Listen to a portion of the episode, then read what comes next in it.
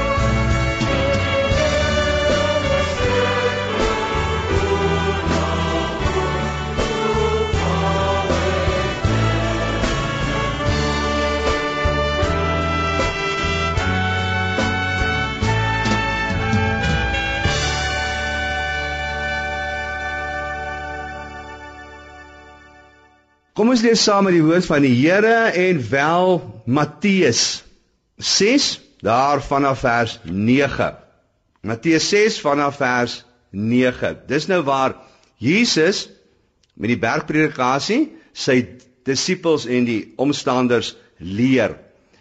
So moet julle bid. Ons Vader wat in die hemel is, laat U naam geheilig word. Laat u koninkryk kom.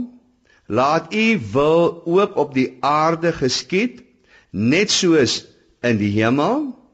Gee ons vandag ons daaglikse brood, vers 12, en vergeef ons ons oortredinge, soos ons ook die vergewe wat teen ons oortree. Vers 13, en laat ons nie in versoeking kom nie, maar verlos ons van die bose.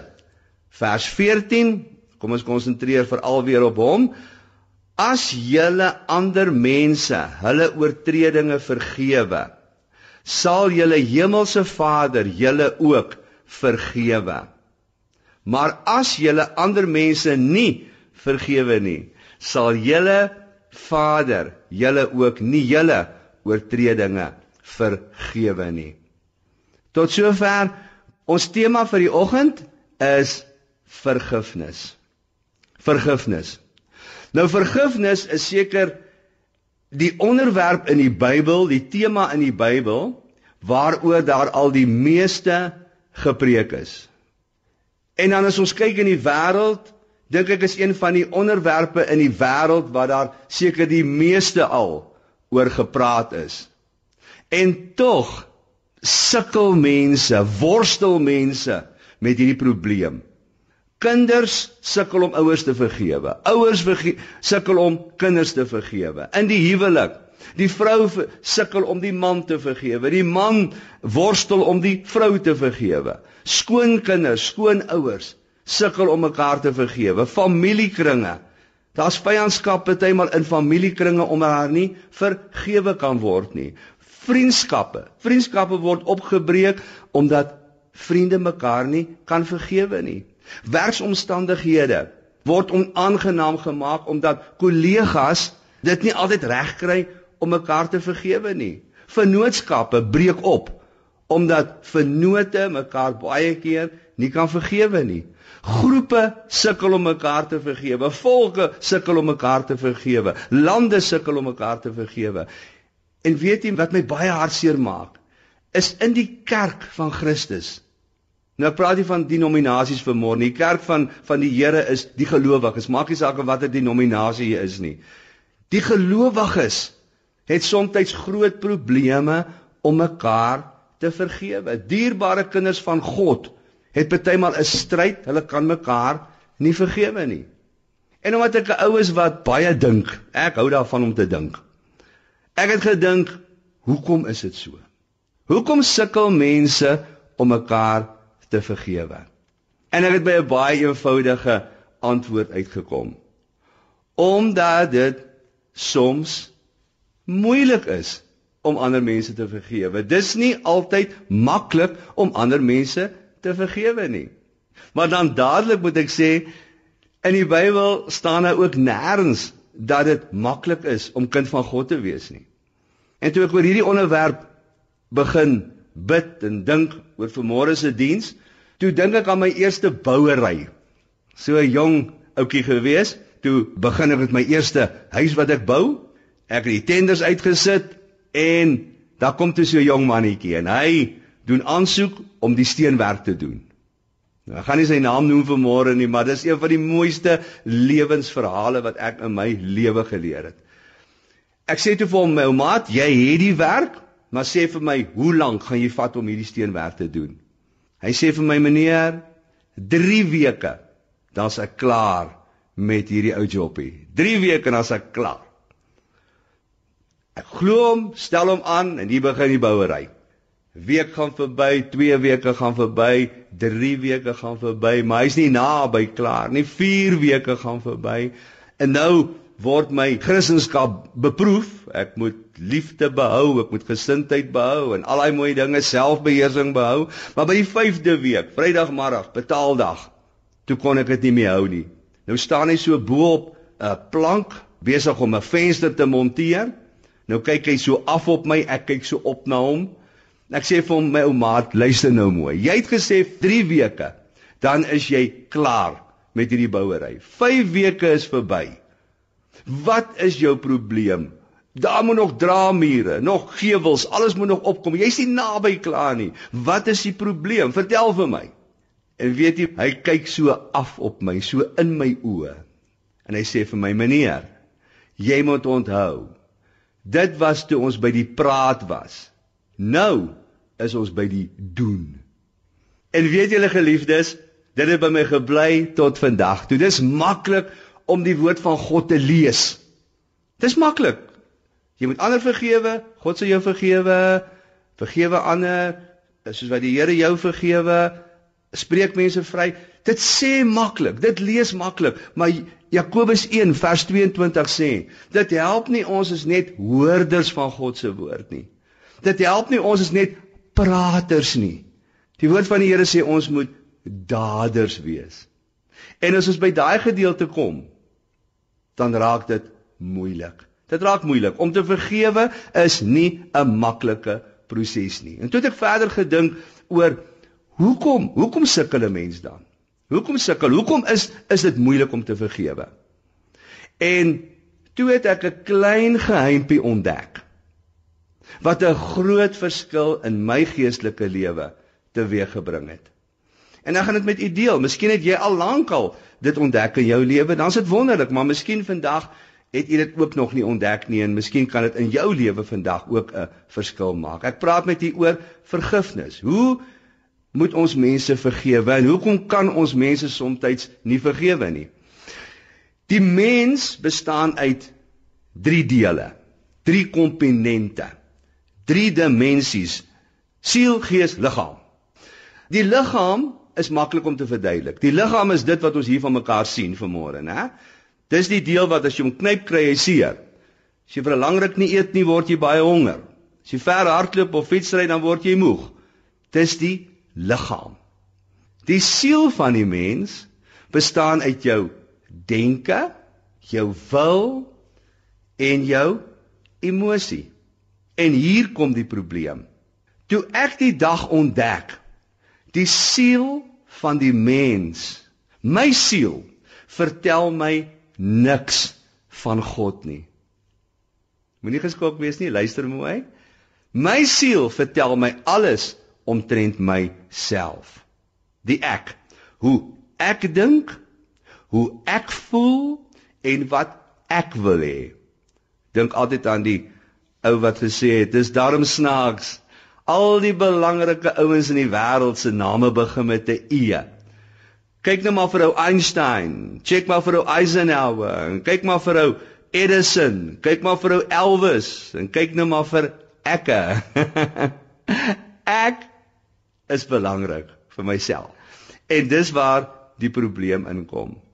Ons wil vergifnis uitspreek uit ons sielsdimensie uit. En dis waar die probleem kom. Want 'n mens sal so redeneer. Ek dink ek is te nagekom. En daarom voel ek nie lekker oor dit wat aan my gedoen is nie. En omdat ek nie lekker voel nie, daarom wil ek nie iemand vergewe nie. Dis die ek. Paulus praat so 'n bietjie wisselwerking gebruik hy die siel en die vlees. Hy sê die vlees wil dinge doen, maar die gees wil nie. Die gees wil weer dinge doen, maar die vlees wil nie. Die vlees versus die gees. En ons wil as kinders van God Onthou die Heilige Gees woon in die kind van die Here. Die Heilige Gees behoort nie aan 'n denominasie nie. Hy behoort aan die kerk van Christus. Die Here wil hê ons moet ons eie persoonlikheid hê. So dis wonderlik. Daar's niks verkeerd met die denke en die siel en die emosie nie. Maar God wil nie hê ons moet uit daardie dimensie uit regeer nie. Want dan regeer jy jou eie lewe en dan kom die ek altyd voor opgestel en daaroor kan mense nie vergewe nie ek is nie lus om te vergewe nie. Ek is te nagekom. Ek wil nie vergewe nie. In plaas van om uit ons gees uit 'n besluit te neem. Dis waar ek praat soms 'n bietjie beeldspraak. Dit is waar God se troon in ons hart opgestel is. As jy die dag die Here Jesus aanneem as jou verlosser en saligmaker, dan kom woon die Heilige Gees in jou geestesdimensie. En dis waar God se troon opgestel word en is uit daardie dimensie waar uit God my en jou lewe wil regeer. En nou verander dinge sommer baie. Dan word die ek gekruisig en jy sê Here, ek is te nagekom. Nog steeds, ek is te nagekom en ek weet ek is te nagekom. En Here, ek voel nog steeds nie lekker nie. En Here, eintlik die ek wil nie vergewe nie. Maar Here, omdat ek u kind is, en omdat ek gehoorsaam aan u woord wil wees, omdat ek lief is vir u woord, omdat ek lief is vir u stem, omdat ek lief is vir u my God, daaroor gaan ek mense vryspreek. Iemand het eendag gesê, daar's niks verkeerd om verkeerd te voel en reg te doen nie. Verkeerd te voel, maar reg te doen. Jy sê, "O, oh, maar Willie, dit is dit is uh, uh skynheilig." Nee, my boetie en sussie, dis nie skynheilig nie. Dit is dis geestelik. Ek wil jou nie vergewe nie. Die ek wil nie, maar omdat 'n kind van God is, spreek ek jou vry. En dit kom by Paulus se gedeelte waar hy sê, "Beoefen die geestelike dinge in die lewe, né? Beoefen." Nou, as jy die eerste keer moet vergewe, dan is dit moeilik. Maar hoe meer jy gaan oefen die geestelike gedeelte om uit jou gees uit mense vry te spreek, hoe makliker gaan vergifnis word in jou lewe. Toe ek byvoorbeeld die eerste keer na baie jare besluit ek wil weer fietsry. Toe gaan koop ek vir my 'n tandem met die dubbelfietsse. Want soos julle weet, ek kan nie sien nie en ek en my seun begin fietsry. Daai eerste dag, net so 'n paar keer om die blok en en en ag seker nie is 3 km gery nie. Daai volgende dag toe voel ek, joep, daar sekere spiere wat nou 'n bietjie seer is. Toe is dit 5 km, toe is dit 10 km. En ek sal nooit vergeet nie toe ons hierso 30 km so lekker aan mekaar ry in 'n redelike spoed. Toe begin ek en hy lag. Jesus pa, onthou jy nog, daar in die begin, hè? Maar op daai stadium as iemand vir my sê Agus, Agus ry, sou gesê dis buite my vermoë, dis buite my denkpatroon. Ek wil net fietsry om bietjie buitekant te kom en die natuur te ervaar. Hierdie jaar het ek die Agus gery. En toe ek daar besig is om daar in die berge uit te trap en en en dit te geniet, toe dink ek oefening dit werk maar in die geestelike lewe en in die liggaam presies dieselfde. Hoe meer jy oefen, hoe fikser word jy. Hulle het ons vir Gary Player gesê, "Gary, jy's verskriklik gelukkig. Jy speel al verskriklik goed." Toe sê hy, "Ja, dis snaaks." Hy sê, "Hoe meer ek oefen, hoe gelukkiger word ek."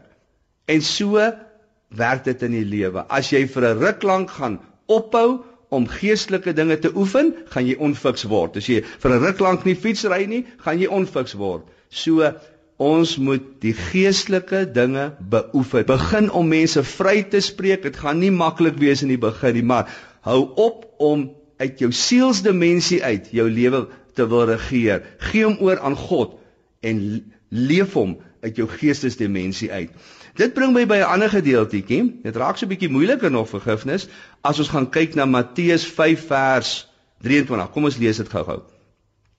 As jy dus jou gawe na die altaar bring en dit jou daar byval dat jou broer iets teen jou het. Vers 24: Laat staan jou gawe daar by die altaar en gaan maak eers vrede met jou broer en kom dan en bring jou gawe.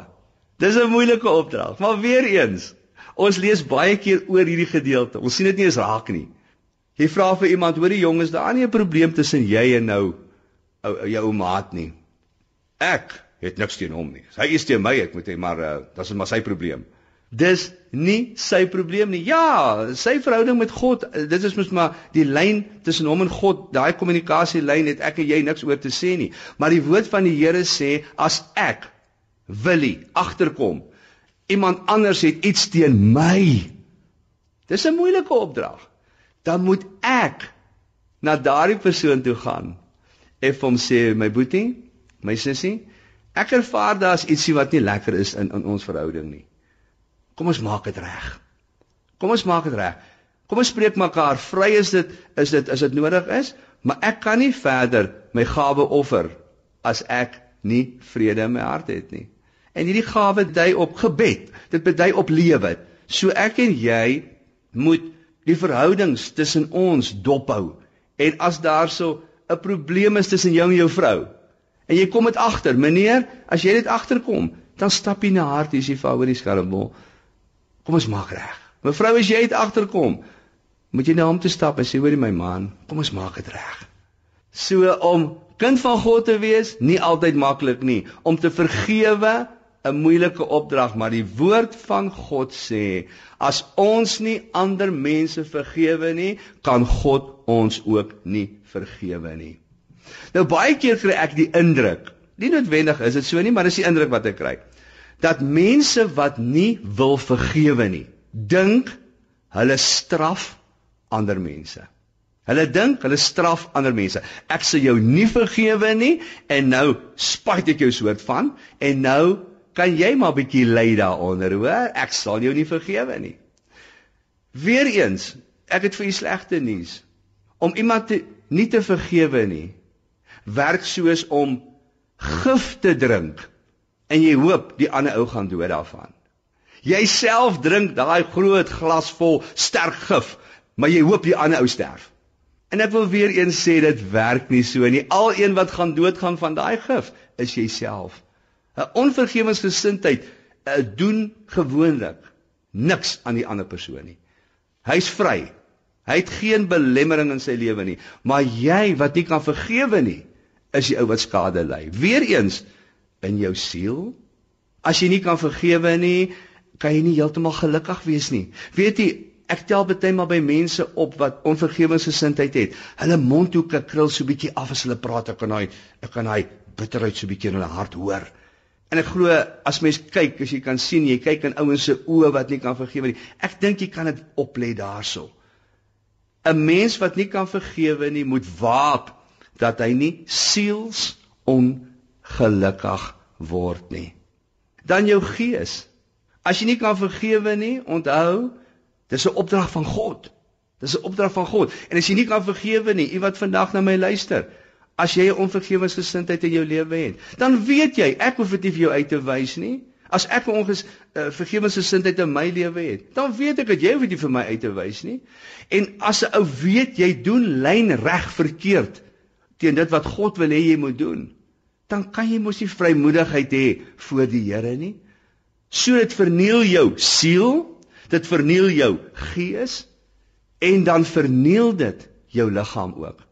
Want 'n onvergewensgesindheid het die vermoë om om te sit in bitterheid, bitterheid, om te sit in haat, haat in selfvernietigende gedagtes. Dis lelike woorde daai. Ek wil dit nie eens eintlik uit my mond uit laat kom nie. Maar haat, net twis, tweedrag, daai tipe goed, dit maak 'n mens siek.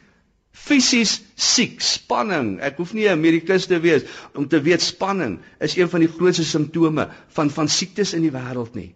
Dit verniel jou liggaam, dit verniel jou gees, dit verniel jou siel as jy nie kan vergewe nie. Jy hoop die ander ou gaan dood van die gif. Maar jammer my boetie, jammer my sussie, jy straf nie hom nie, jy straf nie haar nie. Jy straf jouself. Jy verniel jou hele menswees. Iemand het eendag 'n mooi stelling gemaak. Hy het gesê om nie te vergewe nie is om soos 'n brug af te brand waaroor jy self nog moet loop. 'n Brug wat jy afbrand waaroor jy self nog moet loop. Onthou, die woord van God bestaan byna altyd uh ek wil nie sê altyd nie, want daar is miskien hier 'n nare uitsondering. Beloftes gekoppel aan voorwaardes. En hier het ons weer met een van hulle te doen. 'n Fantastiese belofte. Ons kan vrygespreek word deur God. Ons kan lekker, ek hou van die woord, lekker loskouer rondloop op hierdie ou ou wêreld, vry in Jesus Christus. Dis die belofte. Maar is gekoppel aan 'n voorwaarde. 'n Voorwaarde. Jy moet vergewe as jy deur God vergewe wil word. Nou ek wil nie baie hieroor uitwy nie want ek wil nooit in my lewe 'n veroordelende uitspraak gee Ek is net nie so tipe mens nie. Ek los altyd die oordeel aan God oor want want ek self het soveel genade in my lewe nodig dat ek regtig nie tyd het om ander ouens te loop en oordeel nie. Maar dit lyk vir my as 'n mens nie vergewe nie, dan maak jy dit op 'n manier vir jouself baie moeilik om eendag die heerlikheid van God in te gaan. My volgende puntjie wat ek wat ek by wil uitkom is selfvergifnis. Soms vind ouens dit baie maklik om ander mense te vergewe, ander mense vry te spreek, maar mense sukkel soms om hulle self te vergewe. Mense loop rond met skuldgevoelens en selfverwyd en en weet jy weer eens daai twee goeters is ketTINGS. Ek noem dit sommer weer 'n bietjie beeldspraak. KETTINGS wat jou vasmaak dat jy nie lekker vry kan lewe nie. Selfverwyd en en skuldgevoelens is nie van die Here nie. Dis Satan se werk om jou aan te kla. Nou sê ek dit baie keer so 'n bietjie tong in die kies. Satan kla ons aan gedurig by die Here, maar ons hoef mos nou nie sy werk te doen nie. Los hom dat hy dat weet jy ek sê altyd ek is nie eers op speaking terms. Ek praat nie met die duiwel nie, ek los hom vir God oor. Maar die duiwel het die vermoë om jou aan te kla. As jy op jou rustigste is, dan kom hy in jou gedagtegang in. Onthou jy nog dit wat jy gedoen het? Onthou jy nog dat wat jy gedoen het? En baie keer help mense ook nog so 'n bietjie aan, hè? Jy ontmoet ouens uit jou verlede uit wat jy baie baie lank lank gesien het voordat jy die Here nog in jou lewe gedien het. En dan sê dit, "Onthou jy nog dit? Onthou jy nog dat?" 'n Oomie het eendag getuig in een van my gemeentes in die bid hier. Toe sê hy, "My boeties en my sissies, hy sê, weet julle, ek het altyd geloop met skuldgevoelens en met selfverwyd." Hy sê, "En toe lees ek die woord van die Here sê, daar in Micha 7:19 Hy werp ons sondes in die diepte van die see. Hy sê en as ek reg het nou daag gelees, so by die 12 km diep. Hy sê maar nou het die duiwel die vermoë om daar te kom sit en visvang. Hy sê maar nou hy aand toe ek weer hierdie worstel stryd het en ek voel het die Here my regtig vergewe en is ek regtig vry? Hy sê toe sit of die Here vir my sê plant 'n bordjie daar. No fishing. Daar word nie vis gevang in my en jou verlede nie. God beskik oor ons lewe. Nie die duiwel, ander mense nie. As ons vrygespreek is, is ons waaragtig vrygespreek en kan ek en jy vry lewe. Die woord van die Here sê, hy verwyder ons sonde van ons af so ver soos die ooste van die weste af is. Dis dis die twee uiterstes um een keer 'n mooi storie gehoor van 'n ou wat vry geraak het in die Here. Hy het tot bekering gekom en hy ry terug plaas toe en toe hy daar kom, toe's daar 'n ou kraai wat hy wat hy groot gemaak het daar, maar nou die ou kraai 'n uh, ketting om sy voet daar vasgemaak aan die aan die boom vir 10 jaar al loop daai kraai 'n radius van kom ons sê 8 meter om daai boom. Die heeltyd, dis al so uitgestapte paadjie om daai boom. En toe die boer daar inry en hy sien die ou kraai, toe kom daar sommer so deernis in sy hart en hy sê ou kraai, ek het vandag regtig vryheid in my lewe be, begin ervaar. Ek is vrygespreek deur die Here en vandag gaan ek jou vrymaak. En hy stap na hom toe hy klippie ketting van sy voet af. Hy sê vir hom: "Vlieg my ou kraai, weg is jy na jou habitat toe waar jy hoort." En wat doen daai kraai? Terwyl die ketting van sy voet af is, loop hy nog steeds daai 8 meter radius al om daai boom. Hy's vry, maar in sy kop is hy nog steeds gebind aan daardie ketting. Ek wil vanmôre vir u vra, is jy al waaragtig vry in Jesus Christus? Het jy al daai vryheid gevat in jou lewe? Jouself vrygespreek in die naam van Jesus Christus. 'n Prediker het eendag gesê, as jy jouself nie kan vergewe nie, is jy arrogant. Want as God jou vergewe het, wie is jy om jou nie te vergewe nie. Dan wil ek sommer by hierdie punt aansluit en vra, het jy dit al regtig aanvaar? Het jy dit al regtig so beleef dat dit oorgesit het in jou lewe in geloofssekerheid? Geloofssekerheid. Weet jy wat maak my baie bekommerd partymal? As jy by mense kom en jy en ons praat oor die hiernamaals en iemand sê vir my sê, "Jong, ek hoop as die Here kom. Ek hoop maar van die beste. Ek dink ek is 'n kind van die Here." Jong, ek wonder maar, maar ek ek dink daarom so. Miskien daai tipe antwoorde. Ek wil vandag vir u sê my dierbare boetie, sussie, om 'n kind van God te wees is 'n vaste wete. Paulus sê dis 'n vaste wete. Die gedeelte oor die oor die goeie herder, die herder ken sy skape en die skape ken die herder. Matteus 5 vers 9 sê, die vredemaker sal 'n kind van God genoem word. As die woord van die Here my toestemming gee om vir my sy kind te noem, dan moet ek dit mos gebruik in my lewe. Die verlore seun, die verlore seun, daai seuns het nie gewonder of hulle kinders van hulle pa is nie. As jy in my eie lewe vat, as jy vir my, ek het 4 kinders, as jy by my 4 kinders kom en sê vir hulle hoor hierso, wie is julle pa? Gaan hulle sê Willie is my pa, Willie Botha is my pa. Daar's nie twyfel daaroor nie. Hulle gaan nie sê ek wonder of ek hoop of ek dink. Nee, dis 'n vaste wete nou as ons as aardse vaders en aardse kinders daai sekerheid het, dan kan ons dit mos met ons hemelse Vader ook hê. Dis nie arrogant om te sê ek is 'n kind van God nie. Mense sê dit met groot trots en met en met groot deernis en ek weet dis genade, dis net genade alleen wat ons gered het. Maar as jy 'n kind van die Here is, dan weet jy dit. En as jy nog nie seker daaroor is nie, die woord van die Here sê in Jesaja 83, hy sê hy gooi jou sonde agter die rug. Die woord van die Here sê hy dink nie eens meer daaraan nie. Wat vir my so wonderlik is, as ons mekaar partymal vergewe, dan is dit soos jy skryf al die ou se oortredinge skryf jy op 'n swart bord. Nou besluit jy daarom om hom te vergewe. Nou vat jy 'n kruit, nou trek jy 'n kruis deur daai deur daai aanklagtes teen hom. Dis net 'n voorbeeld wat ek gebruik. Maar as jy mooi lees tussen daai kruis wat jy getrek het, dan kan jy nog al sy oortredinge teen jou, kan jy nog raak sien, jy kan nog herken. Weet jy as God jou vergewe, dan is dit soos hy vat 'n uitveer en hy vee daai swart bord skoon. Hy reinig ons die bloed van Jesus Christus, reinig ons van alle ongeregtigheid. Daar bly niks oor nie. Jy hoef nie met skuldgevoelens en met selfverwyd en dinge in jou lewe rond te loop nie. 'n Vriend vertel my, hulle het altyd gaan vakansie hou in die Bosveld, Desember maand op 'n ou plaasie daarso. Dan was daar 'n dam, maar as hulle elke Desember maand daar kom, daar's al 'n klomp rommel in hierdie dam. Blare en bottels en blikke en papiere en klippe. Dan moet hulle eers alles uitgooi, skoonmaak en dan kan hulle vars water intap en dan swem hulle daai hele vakansie baie lekker in daai vars, lekker skoon water. Toe ek die storie hoor, toe dink ek dis baie noodsaaklik dat ek en jy so elke nou en dan in ons lewe ook moet gaan sit en ons ons lewensdam so bietjie skoon maak. Ons hart so bietjie skoon maak.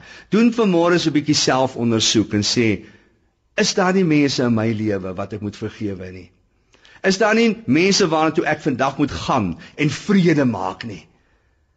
Gooi ook daai rommel uit jou hart uit vir môre. Maak jou hart skoon vir môre. Hy sê vir my, "Maar Willie, hoe hoe kry ek dit reg om hierdie goeders te doen? Ek het nie 'n kits oplossing nie.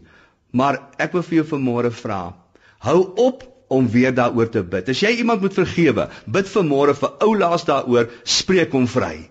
Praat nie weer daaroor nie. As jy nog eenmaal met iemand moet gaan praat, praat vir oulaas daaroor, dan praat jy nie weer daaroor nie dink nie weer daaroor nie. Hy sê, "Wil jy ek is nie breinloos nie?" Ja, maar God het ons beheer oor ons gedagtes gegee. Wend jou gedagte doelbewus af van daai gedagtes wat jou seermaak oor vergifnis en spreek vry. Met ander woorde, hou op om jouself te herinner aan daai seermaak goeters in jou lewe.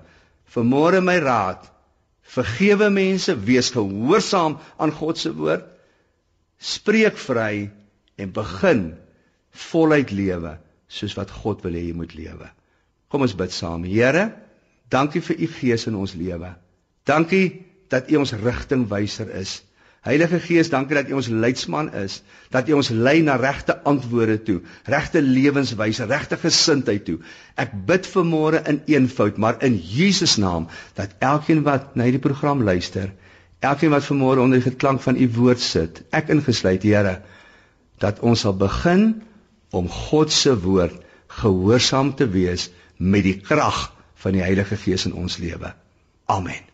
Kom ons sing ten besluite 'n heerlike liedjie saam. Ek maak nou my hart oop.